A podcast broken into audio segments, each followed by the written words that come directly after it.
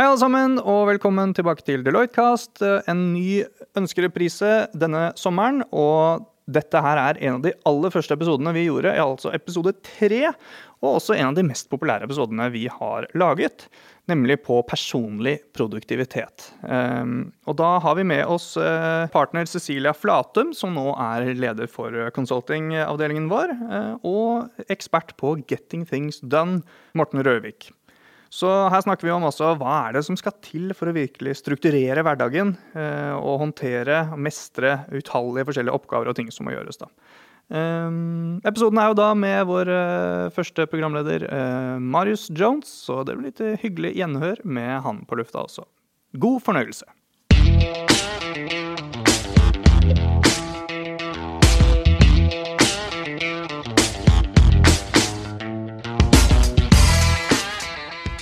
Da sitter vi her med Morten og Cecilia. Og, og Morten, du er da Nordens eneste sertifiserte GTD-coach, workflow-coach og GTD master-trainer. Eh, så er det også at du har en fast spalte i Aftenposten om personlig produktivitet. Og er også da selverklært nerd som har blogget om eh, teknologi siden 2006. Så velkommen til deg, Morten. Takk, takk. Og eh, Cecilia, Um, du er jo vår interne her, som har jobbet i konsulentavdelingen i Deloitte i elleve år. Um, fem år som partner. Stemmer det? Tolv år og seks år som partner. Seks år som partner. og, og, i tillegg til det så fant jeg også at du har frem til juni 2016 vært visepresident i Den internasjonale snowboardforeningen. Og ikke minst tvillingmor til to. Og president i Det norske snowboardforbundet i seks år før det. Wow! Oi, oi, oi. Så snowboard er en passion, hører jeg. Um, før vi på en måte går inn på spørsmålene, vil dere si litt mer om dere selv? Hvem dere er, og, og hva dere holder på med? Morten først, kanskje? Ja, jeg er pappa til Daniel, bor i Nannestad kommune. Veldig nær flyplassen. Veldig kjekt når man skal ut og fly, fordi vi har Norden som nedslagsfelt i det selskapet som jeg har gründa og driver, som heter Produktiv Norge. Vi har fått franchisen fra David Allen Company til å utbringe Getting Things Done til de nordiske landene. Um, ja. Ellers så er jeg uh, god på å pugge latinske sitater og gjøre andre sånne nerdeting som ja, uh, Monty Python-sanger. Uh, man skal jo bruke hjernen til noe når jeg har klart å tømme den fullstendig og har Nordens tommeste hode, som vi kanskje kan risikere å komme tilbake til litt senere. Så det er kort om meg. Bra. Cecilie, har du noe å legge til? Ja, altså jeg er jo her i Deloitte, da. Veldig Veldig glad for å være det, og jeg jobber mye med offentlig sektor. Uh, mye omstillinger, større omstillinger. Hvis det er litt sånn vanskelig og juicy og mye risiko, da kommer jeg ofte og hjelper til. Men uh, jeg har jo, som du sa innledning, en del andre ting. Jeg har jo tvillingmor til to gutter på to år, og jeg uh, har vært veldig politisk, idrettspolitisk aktiv. Så jeg har nok å ta tak i, og har derfor måttet prøve å liksom presse mer og mer inn i min hverdag.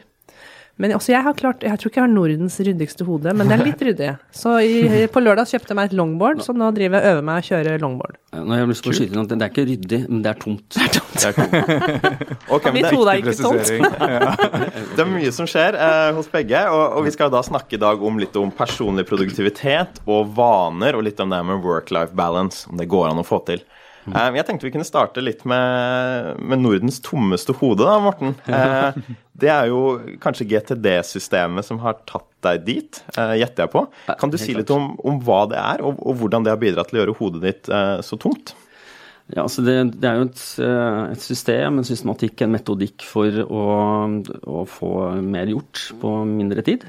Og gjøre mer av de riktige tingene. Og en av de første stegene man lærer seg da, er å tømme hodet består av fem eh, enkle steg som man kan lære seg. Som det første er å samle alle ting som du potensielt skal gjøre noe med ut av hodet og inn i systemet du kan se det senere. Deretter så må du eh, beslutte hva disse tingene betyr. Du må behandle de og eh, beslutte hva du skal gjøre med de om noe, og så organisere det inn i systemet sitt. Et system som du kan se på det senere. Det er organisere. Så For at tingene skal forbli utenfor hodet ditt, så er du nødt til på jevnlige basis, så ofte som du må, avhengig av hvor mye som kommer til deg, men minst en gang i uken, se over alt. Det kaller vi å revidere, slik at du vet at alt er på stell. Ingenting glipper, ingenting uh, forsvinner mellom to stoler, og at du faktisk får gjort de viktigste tingene. Og så det siste trinnet er det aller viktigste, det er å utføre. Dvs. Si, eh, gjør de tingene du proaktivt har bestemt deg for å gjøre på forhånd.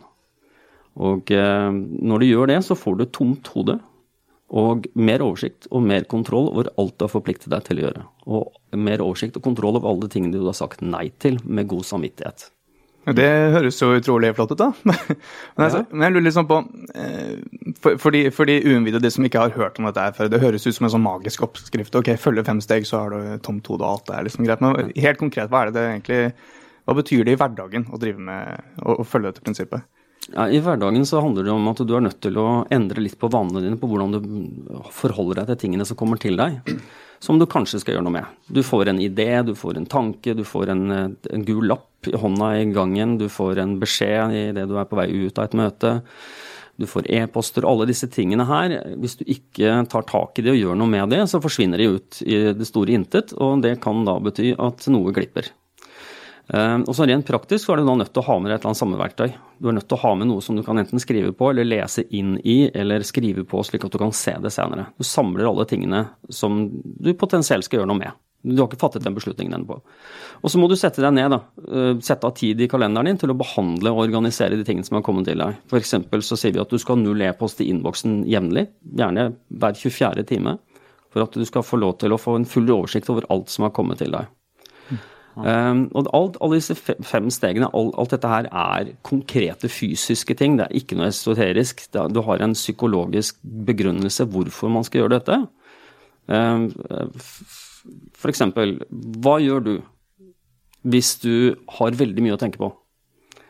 Hva gjør du da? Hvis det er så mye å tenke på at du bare svirrer rundt deg sjøl. Jeg kan, jeg kan, jo si personlig, så, så, før så tror jeg bare stolte på at nei, men dette her takler jeg. Ja. Dette går greit, ja. og, og, jeg tar en til om gangen, og så, og så, går dette fint. Så, nå, nå jobber du i Deloitte, da kan du ikke gjøre det lenger. det er helt riktig. Det er helt riktig, Så, så jeg har faktisk begynt med, med, med GTD-prinsippet for, for, et halvt år siden eh, rundt det. Eller noen okay. måneder siden. Jeg merka i prosjektet at her dukker det opp så mange ting på bordet eh, hele tiden at eh, det er ikke mulig å, ja. å holde styr på alt.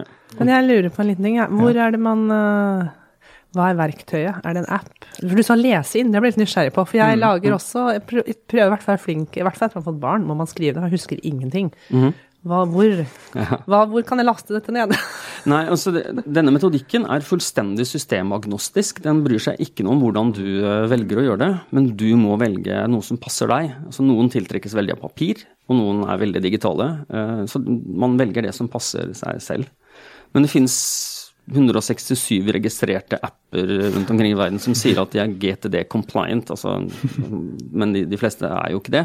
Men de sier det, for dette er et godt markedsføringstriks. Eh, men det finnes jo apper til å både å lese inn eh, korte beskjeder til deg selv som du får som en eh, lydfil på en e-post. Og så er jo papir veldig greit. da, Veldig raskt, veldig ufarlig når du sitter i et møte. Så du må velge det som passer deg. Jeg er papirløs. Ja. Men, ja. Få høre litt om øh, hvordan, øh, hvilke refleksjoner gjør du deg? Cecilie? Nei, jeg, er veldig, jeg, ikke, jeg, skal lese boka nå etterpå, denne podkasten, tenkte jeg. For jeg er, jeg er, helt sikker på at jeg kan lære mye. Jeg har tror litt samme erfaringen som deg. Jeg, jeg har stolte også litt på at jeg klarte å huske ting.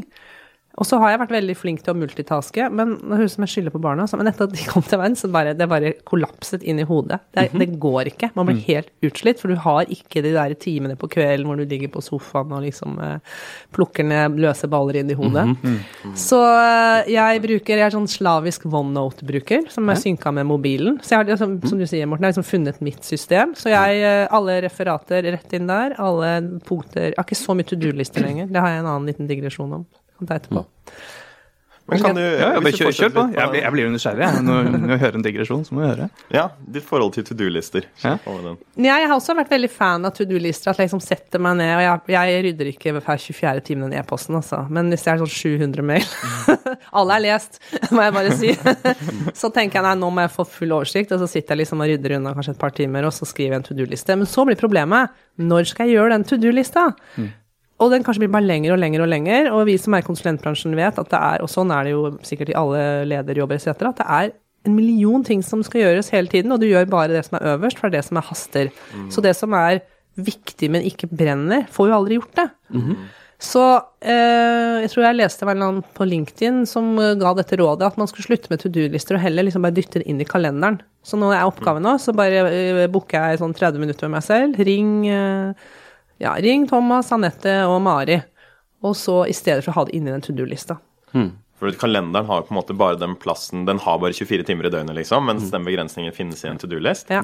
Og hvis vi, ja, hvis vi kommer inn på det, for dere snakker litt om prioriteringer her, da. Og det føler jeg liksom er en av liksom kjernen i dette med personlig produktivitet. At du skal få tingene gjort, men du skal faktisk gjøre de tingene som er riktig, og ikke alle de andre tingene. da. Eh, Så vi kan spille den over til deg, eh, Morten. Hva er det du gjør, eller hva er det på en måte GTD-systemet hjelper deg med i forhold til dette med å gjøre prioriteringer? Ja, Vi pleier å snakke om to akser eh, på metodikken, eller i metodikken. Det ene handler om å få seg oversikt og kontroll. Det gjør man gjennom de fem stegene som jeg nevnte i stad. Det gir deg kontroll i hverdagen på at alle de tingene som kommer til deg, er håndtert på en god måte. Men når du skal behandle og revidere, dvs. Si at du skal beslutte hva du skal gjøre noe med, og deretter jevnlig se på disse tingene for å fatte beslutninger på om ting er faktisk det riktigste, viktigste du kan holde på med, så er du nødt til å besøke det vi kaller dine fokushorisonter. Det er bare rett og slett en veldig enkelt rammeverksmodell for tenkning omkring hva som er verdifullt. Vi starter på toppen med verdier, formål og prinsipper. Altså hvilken verdier og formål og prinsipper styres Deloitte ut fra? Og hva er dine personlige verdier og eh, opplevd formål og eh, prinsipper? Deretter så går vi ned på hvordan ser det ut, visjon. Altså når du etterlever disse prinsippene, verdiene og formålet ditt, hvordan ser det ut i virkeligheten da? Hva gjør du rent fysisk da? Og så snakker vi om langsiktige mål på 12-24 måneder, som gir deg en oversikt over hva er det vi er i gang, skal i gang med i løpet av 12-24 måneder, men som vi ikke er i gang med nå, men som vi har besluttet oss. Store milepæler. Kjøpe et selskap, eh, selge leiligheten på privaten, type ting. Og så går vi da ned på ansvarsområdet. Hva har du egentlig ansvar for? Og her er det mye som svikter. Spesielt i konsulentbransjen. Fordi hvem har egentlig ansvar for eh, ansvarsområde X? Og så er det sånn at man begynner ofte i eh, et, et ansettelsesforhold med å ha en relativt klart definert eh, rolle, og så bare morfer man seg inn der det er egentlig behov. For at man dukker jo opp at nei, men hvem er det som tar det? Ingen som tar det, da tåler du det. Plutselig så jobber man kanskje ikke akkurat det som står i stillingsbeskrivelsen.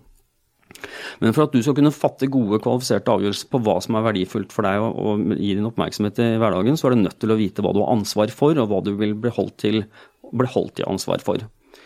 Og disse ansvarsområdene vil føde prosjekter. Dvs. Si noe som er mer enn en, det vi kaller en neste handling. Et prosjekt der har et ønsket utfall. Hva er det de ønsker å oppnå her?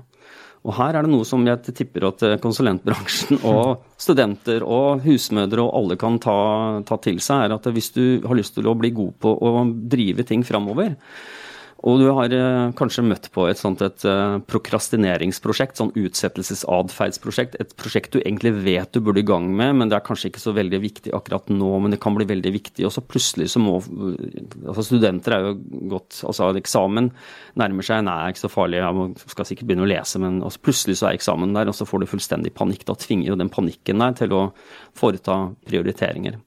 Men hvis man i alle typer prosjekter begynner å tenke hm, hva er det egentlig jeg ønsker å oppnå her?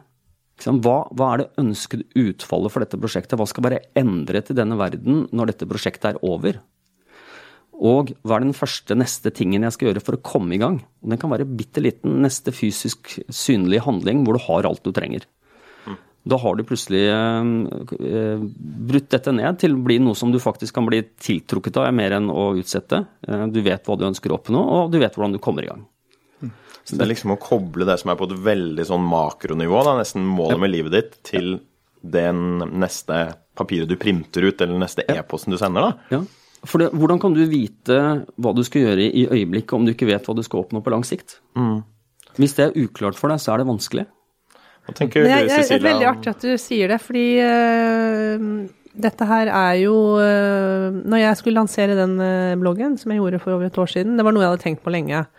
Jeg har lyst til å skrive en blogg om ledelse, kanskje litt om surfing, vi får se. Og så hadde jeg plutselig et tidsvindu eh, når jeg var hjemme i permisjon, hvor jeg tenker nå har jeg tid til å lansere denne. Og da satte jeg meg ned og lagde litt sånn mål, litt sånn motiverende mål. Hvor er jeg om ett år? Da, da, da skal jeg ha oppnådd dette. Og da når jeg så på det målet, så tenker jeg er det mulig, liksom? Det virker jo helt utrolig. Hvor skal jeg begynne? Plattform teknisk, hva skal jeg skrive om? Kan jeg skrive? Etc. Og så bare senket jeg skuldrene litt, og så tenkte jeg at ok, tre måneders plan, hva er det da? Eh, og så stykket jeg opp denne, dette dyret. Eh, og så lagde jeg eh, et lite delmål da, hvor jeg skulle være om tre måneder. Dette her er jo konsulting på høyt nivå, gutter. Og så, og så øh, har jeg sett at man skal prioritere liksom tre viktige ting hver dag. Det klarte jeg ikke fordi at øh, det var så mye som skjedde. Men jeg satte meg mål. Ok, tre, hver uke så skal jeg gjort disse tre tingene. Jeg skal ha fått opp løsningen, jeg skal ha valgt designet, jeg skal ha skrevet tre disposisjoner til tre blogger, jeg skal ha tatt disse bildene. Og så satte jeg meg ned. Jeg dro opp, jeg bor på Frogner, så jeg dro på Kolonihagen, kjøpte meg et glass hvitvin og tok Mac-en, og barn og barn var hjemme. Og så satt jeg der kanskje en gang hver 14. dag, bare en time. Og så reviderte jeg litt den planen. Og da fikk jeg jeg må bare innrømme at jeg fikk gjort helt sinnssykt mye. Og nå rekker jeg ikke å gjøre det hver annenhver uke. Jeg kanskje gjør det annenhver måned og ser på den planen. Eh, men det var litt sånn aha-opplevelse for meg, så jeg har prøvd å dra det litt inn her i min konsulenthverdag også, og tenke Lage litt sånn ukesplaner. Eh, Men det som jeg syns er vanskelig, er, eh, og det kanskje du vet svaret på, Morten, er når skal jeg få liksom tid til å revidere den planen? Jeg starter med et system, og så eh, klarer jeg å følge det kanskje en måned eller to, men så bare liksom blir det en overload. Bare raser alt litt i hodet på meg. Ja. Altså, det, du, det første du må være klar over, er at det, det, det å tenke For det innebærer tung tenkning. Og hjernen din vil veldig gjerne ikke tenke tungt. Den vil helst ha øyeblikkelig vinning. Den vil ha øyeblikkelig tilfredsstillelse. Og det betyr at eh, du er nødt til å gjøre, du er nødt til å sukre pillen for at du skal få det, få det til å skje. Så vi anbefaler at du setter an når du skal revidere systemet ditt, at du befinner deg på et sted først og fremst hvor du er, kan være uforstyrret. Hvor det er ingen som forstyrrer deg. Skru av alt som sier pling, alt som kan skru av e-postvarsling. Alt skal av, og telefonen av, og så at du er helt uforstyrra. Dernest er du nødt til å, å kanskje øh, gjøre det litt ekstra hyggelig for deg selv. Jeg kjenner folk som gjør denne revisjonen på klokken halv åtte til halv ni på torsdag på Waynes Coffee med en stor, uh, usunn bolle av et eller annet søtt kliss som de, ønsker, som de liker, og en stor uh, kakaokopp eller noe sånt noe. Um, og så er, lønner det seg veldig å fokusere på for Alle som har gjort en sånn revisjon hvor de har fått fullstendig overblikk Når, når du gjorde det, føltes det godt? Ja, ja, det gjør det. Det er jo som å rydde opp i et gammelt klesskap. Ja, ja nettopp. Det er en lettelse, ikke sant. Og, og det jeg vil anbefale folk å gjøre, er at det, det kaller vi for øvrig den produktive opplevelsen. Altså når du har en opplevelse som bidrar til din produktivitet, og du får en god opplevelse, så skal du huske på den. Du skal tenke på den. At når jeg er ferdig med dette, det maratonet av en times gjennomgang, eller hva det nå tar, I den andre enden, så underveis så belønner jeg meg selv, så jeg er sikker på at jeg sørger for at jeg ikke blir forstyrra, og belønner meg selv. Og samtidig så, så, så, vet jeg at etterpå så kommer det en sånn uh, følelse. Så, uh, Marius, du har jo holdt på litt med getting things done. du mm -hmm. lærte det under studentdagene på NTNU, gjorde du ikke det? Jo, vi fikk jo kurs av deg, Morten, ja. når vi drev og lagde Isfit. Ja. Og, det, og, det, var jo da et, et, et, stort prosjekt som skulle brytes ned til mindre biter, og hvor eh, et, Kanskje et sånt prosjekt som lett får en litt sånn scope creep, da. At du tenker at du skal gjøre til en ting, og så bare utvide seg utover. Mm -hmm. um, så jeg føler at den, den oversikten med å få ting ned på lister, som gjør at man kan si at wow, her skjer det faktisk altfor mye. Jeg er nødt til å kutte ned på noe. Var, var noe av det som ga meg mest med det, altså. Mm. Mm. Ja, for det er, og jeg vet ikke om dere har lagt merke til det, folkens, men det er alltid mer å gjøre enn det finnes tid. Altså, Hvis du ikke har gått opp for det ennå, så, så skal jeg si den en gang til. Det er alltid mer å gjøre enn det finnes tid. Og Det betyr at du er nødt til å sørge for at det du gjør i hverdagen, er i samsvar med hva du ønsker å oppnå på lang sikt. Det, det er altfor mye å gjøre, og vi vet at vi må prioritere. og sånn. Eh, og, og, dere har jo holdt på med dette en stund. Eh, jeg blir jo fortsatt amazed når jeg ser folk som, som jobber så mye som, som, en del partnere gjør her i Deloitte, og samtidig har barn, og samtidig har en blogg, sånn som du har, Cecilia. Eh, så jeg lurer litt på, hva er dere ser at folk gjør på en måte Dere tenker at dere, folk gjør feil, da? Eller kanskje burde gjort annerledes? Hva er de vanligste tingene folk gjør galt i forhold til personlig produktivitet? Jeg kan komme med ett eksempel som jeg alltid tar uh, med nye konsulenter. Uh, og man må finne litt sin stil, da. Men jeg, i hvert fall i konsulentbransjen, så tenker jeg alltid på sluttproduktet. Hvordan skal det sluttproduktet se ut? Og fra første møte så skriver vi inn på den formen. Så hvis noen kommer med en sånn papir, en blå bok som vi har, en sånn kulepenn, så bare den boka der, bort med den. Hvorfor skal du sitte og skrive på kulepenn, og så skal du skrive inn i et Word-referat, og så skal du skrive inn i en PowerPoint? Da bare skriver vi rett inn. Så det her tror jeg er litt sånn derre eh, nøkkel eh, nummer én. Og det andre er eh, Jeg syns faktisk ikke jeg jobber så mye. Men jeg føler at jeg, jeg prøver å jobbe riktig, da. Og det er ikke så lett når man er ny, eh, og man har ikke så mange å delegere til, da. Det er det som er fordelen med en partner, man kan delegere mange oppgaver. Eh, men det å på en måte jobbe for å få fordelt oppgavene Hvorfor skal du sitte natt og dag hvis eh, sidemannen din kanskje ikke har noe å gjøre? Um, hvis det er en oppgave du ikke er uh, he, liksom helt Vet akkurat hvordan du skal gjøre den, hvordan kan du søke råd hos andre? Har noen gjort det før, sånn at du gjør det mer effektivt? Vi hadde nylig et prosjekt hvor det var en sånn fastpris, hvor vi måtte komme liksom raskt i mål. Og da samla vi liksom de som virkelig hadde gjort dette før, så vi slapp å skal si, koke opp uh, ting på nytt. Og så klarte vi liksom å lande det på det avtalte tiden, fordi at vi ikke satt og liksom prøvde å finne opp kruttet før. Her har liksom alle gjort et eller annet før. Så hva vet du for noe? Stjel maler og kongefoiler mm. med omhu er råd nummer to. Jeg hører det er en del som dere snakker om, om dette med å løfte blikket, virker det som. Finne ut hva er det vi prøver å oppnå, hvor mye er det egentlig å gjøre, hva kan vi stjele, hva er produktet, osv. Eh, kan dere si noe om måte, hvor stor andel av tiden når dere jobber med prosjekt, går til disse aktivitetene? på en måte? Eh, stjele, løfte blikket, få oversikt. Og hvor mye går til egentlig å gjøre ting? For jeg har en hunch om at vi burde være mindre i oppgaven å gjøre, og mer på overblikk og stjele og sånn. Er dere enig i den? Jeg føler at det handler litt om hvor man er. I den innledende fasen så mener jeg at det er Det farligste er man liksom bare hopper uti og begynner å gjøre og liksom kaster rundt seg både med oppgaver og timer og folk. Uh, så jeg tenker det å kanskje stå litt lenger på startstreken, for man får det overblikket. Ehm, jeg kan ikke komme med et prosentandel, men jeg mener man skal gjøre mer av det. Og så er det jo faser hvor det handler om å få det gjort. Ehm, og da må man bare dundre det gjennom. Men jeg har hatt et prosjekt hvor vi har liksom kvart på ni mandag morgen ringt hverandre. Liksom, ja, hva skjer denne uka her, da? Og da har vi liksom løfta blikket. Og så snakkes vi gjennom uka. Men det er det lille kvarteret hvor vi liksom får rydda hodene litt i forhold til det som skal, skal skje.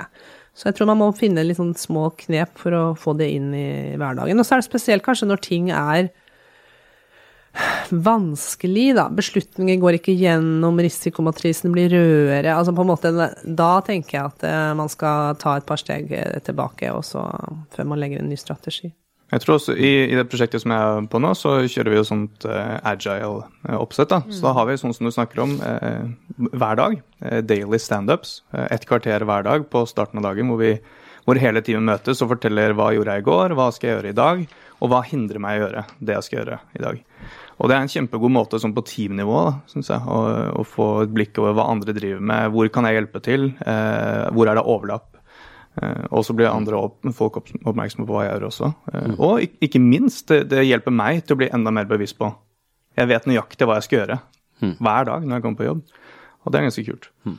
I, I, Getting Things Done-metodikken så har vi en inndeling av dagen i tre deler, hvor du kan velge Du tenker kanskje ikke over det, men du, du velger i hvilken eh, del du er i til enhver tid.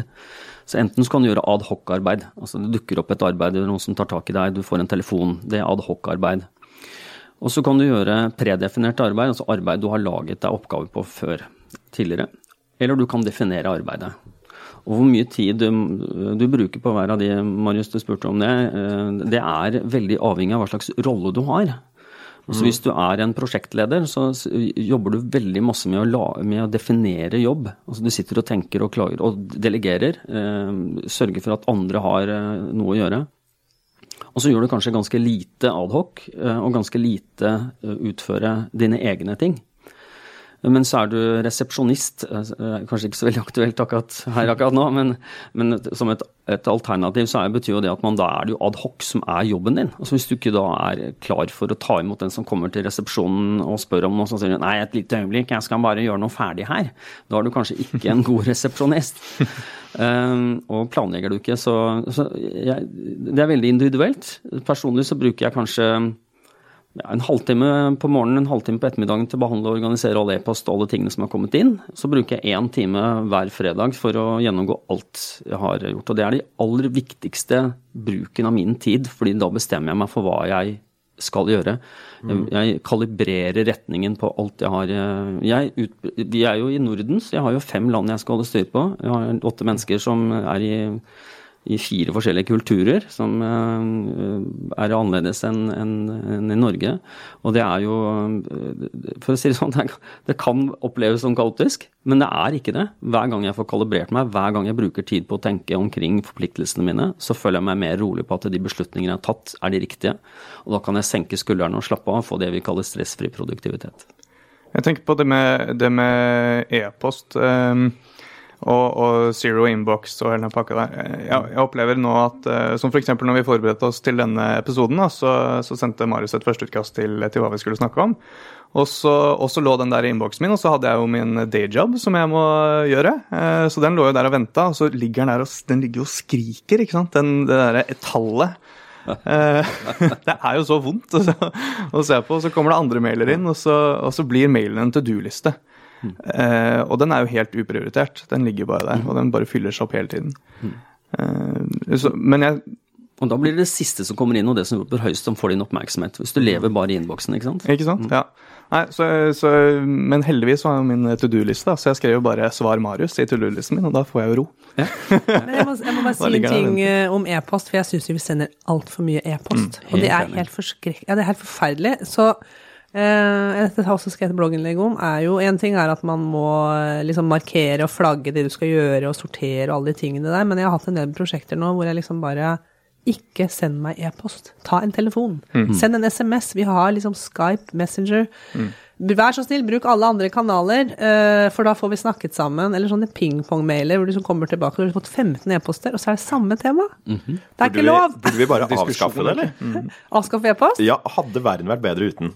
Nei, vi trenger det. Men vi hadde ikke Jeg syns vi eh, Jeg tror noen har også alltid litt sånn ringeangst. At man liksom tør, ikke tør å ringe folk, for det er så mye lettere å skrive en mail. Det er så gammeldags å ringe. Ja, det er gammeldags å ringe. Har dere, Marius og Andreas, har dere, er dere redde for å ringe? Nei, jeg, synes, jeg er helt enig med deg. Jeg syns det er så deilig å bare Fordi noen ganger, det du, det du snakker om nå, høres ut som en diskusjon på e-post.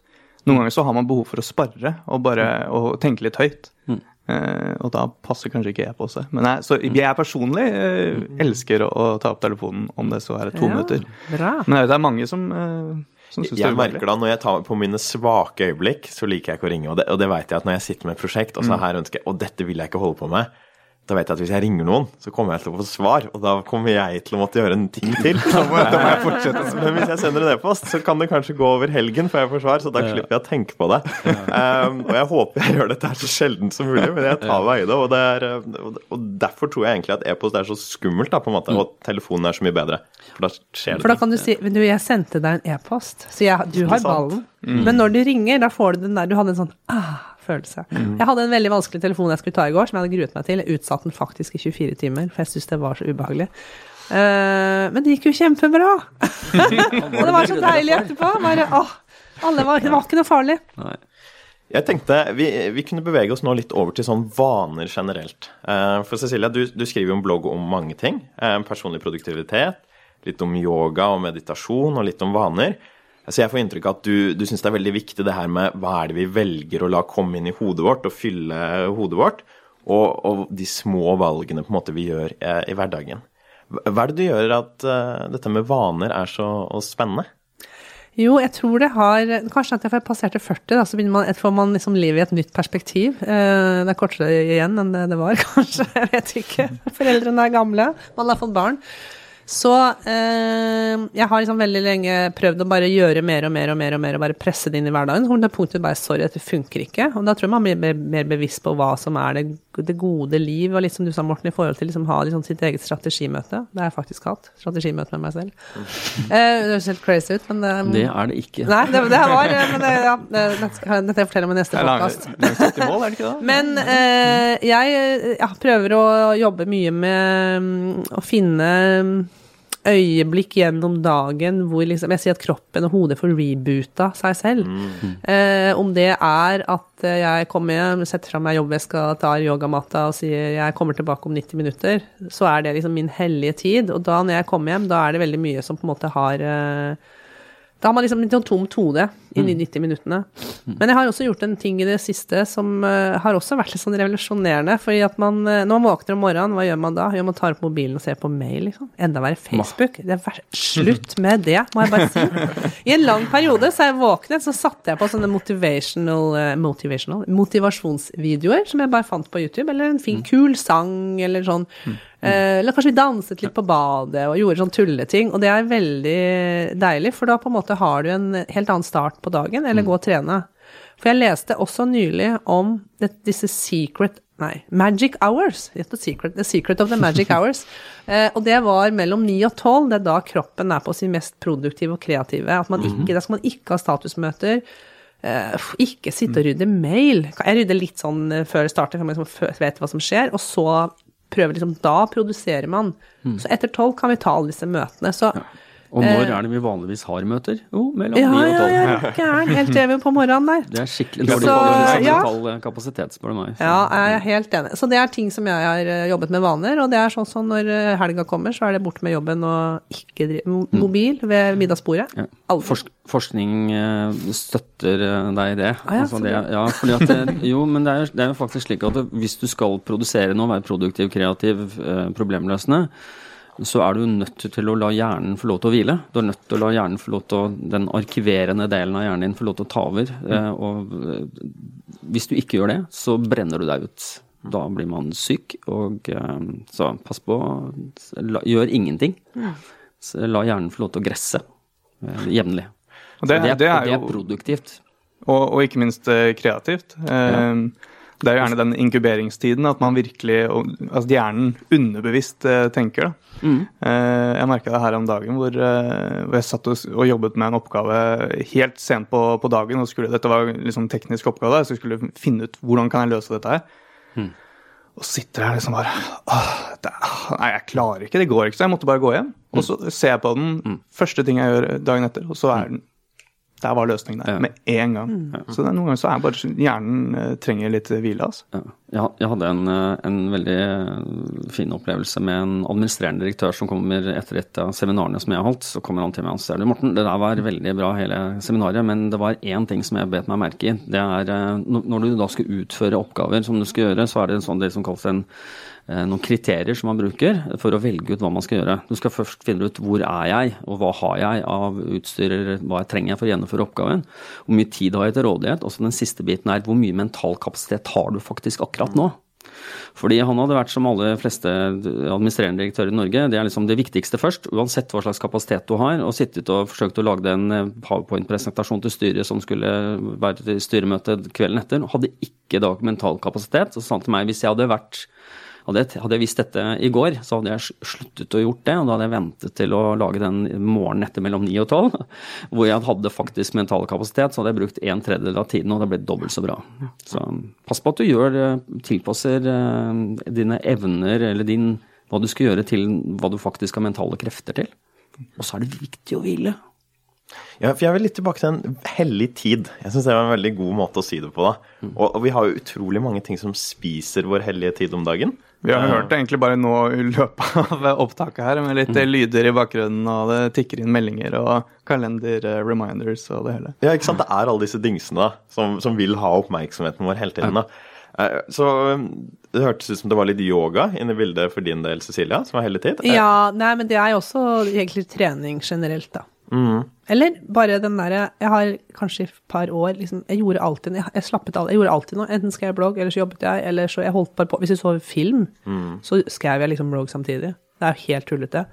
Men nå ja. ja, men jeg, jeg er skikkelig godt på akkord med meg selv. Så nå er liksom også I går hadde jeg en, sånn, en tre kvarter Jeg, jeg prøver å finne noen sånne serier Sex by på TV. Men så fant jeg Jeg er veldig glad i Dag Otto Lauritzen. Så liksom på tur med Dag Otto. Det er akkurat litt sånn hellig tid hjemme nå. Da sitter jeg og Alexandria, så ser vi på 45 minutter, og vi er på Leos og så Ok, det var det. For da tenker man ikke så mye, og så kan man legge seg med et eh, litt sånn dumt hode. Hvordan eh, ser hellig tid ut for deg, Morten? Hva er det du gjør når du ikke gjør noen ting? Eh, når jeg ikke gjør noe tankearbeid, hvis du kan si det, så jeg har hele tid Det er fra klokken eh, kvart på seks til klokken halv syv, så er jeg ute og løper hver morgen. Og syv dager i uken hvis jeg ikke holder eh, seminar. Der er snakker vi vaner.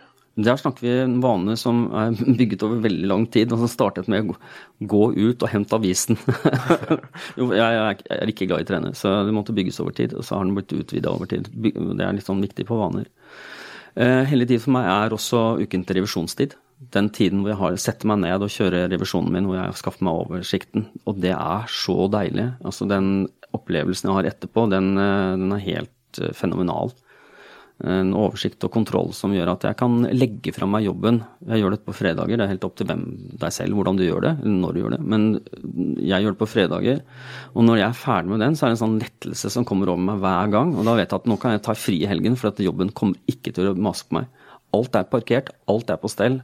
Ingenting eh, glipper. Og uh, da kan jeg virkelig hvile. Og da kommer helgen.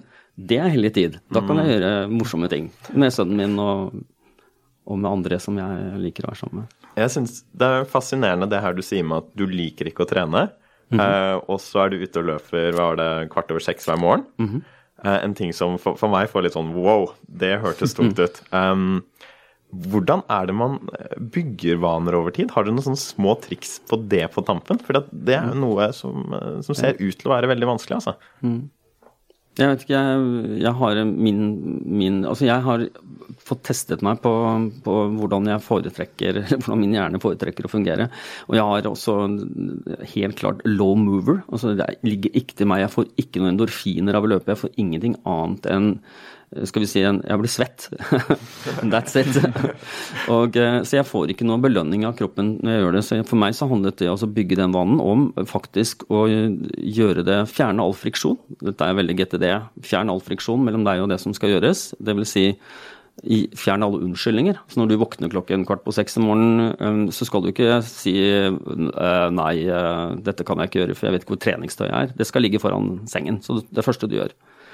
Og så For meg så startet den vanen her ganske enkelt som så, at jeg nå har eh, kun forpliktet meg til at jeg skal gjennomføre, og det står eh, på oppgavelisten min, sånn om jeg tikka hver dag klokken eh, 08.00, at jeg faktisk har gjort det. Eh, gå tur minst ti minutter. Og det er det jeg forplikter meg til. Når jeg startet, så var det sånn at jeg tok på meg treningstøy og gikk ned og henta posten. Avisen om morgenen.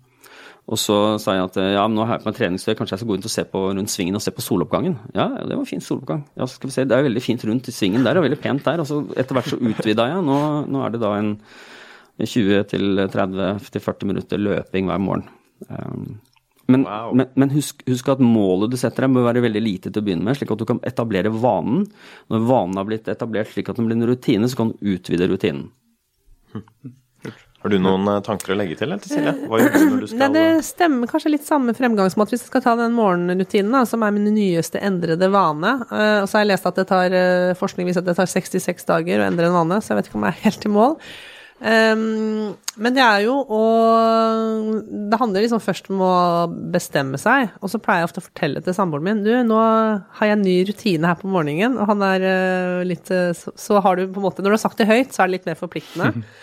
Um, og så startet jeg med noe, så falt jeg litt tilbake, jeg må innrømme. Sjekket litt mail der på morgenen en periode. Mm. Uh, men så har jeg også satt opp en um, oversikt uh, som, hvor jeg har liksom uh, jobb, Deloitte og blogg og um, familie og hobbyer og en del andre ting. Hva er det der som gir meg energi, og hva er det som drain, drar ut av meg energi? Og der kom det en del punkter, og den har jeg liksom tatt opp litt sånn ja, ikke hver uke, da, men sånn annenhver uke. For liksom å sette og da står jo det der å ha en dårlig morgenrutine under streken.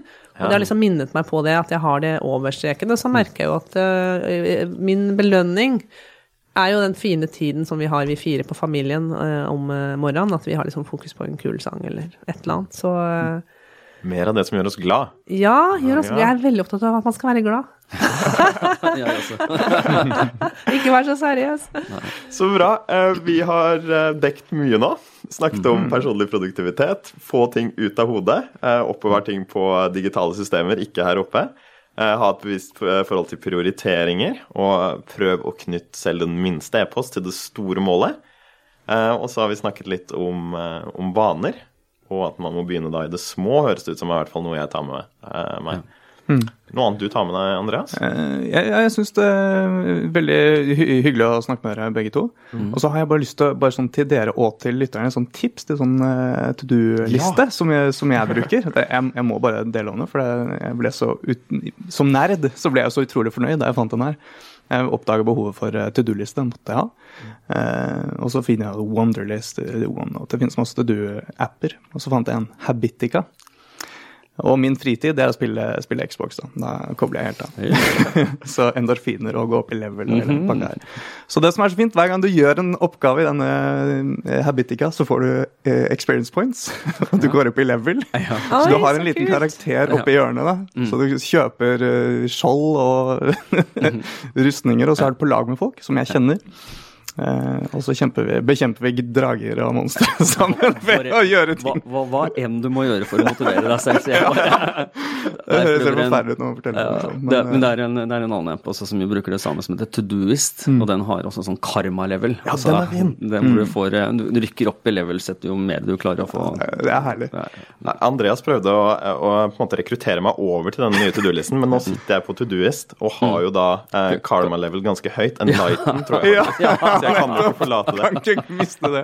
Men uh, dette her var deilig, eh, Morten og Cecilie. Uh, jeg føler for å gå ut herfra og bli et bedre menneske. Tusen takk for at dere kom, og håper dere gjør mer av det som gjør dere glad, uh, også fremover. Takk. Takk for å hyggelig å bli invitert. Da er nok en episode rundet av, og vi vil bare minne deg, kjære lytter, på at vi finnes ikke kun på Soundcloud, vi finnes også på iTunes, og rett i din favoritt-podkast-app. Så hvis du bruker iPhone eller Android eller Windows Phone, eh, så, så finner du oss på din podkast-app der. Og du kan også ta kontakt med oss eh, på podcast at deloitte.no hvis du har eh, tilbakemeldinger eller forslag til temaer, eller om du ønsker å delta på podkasten.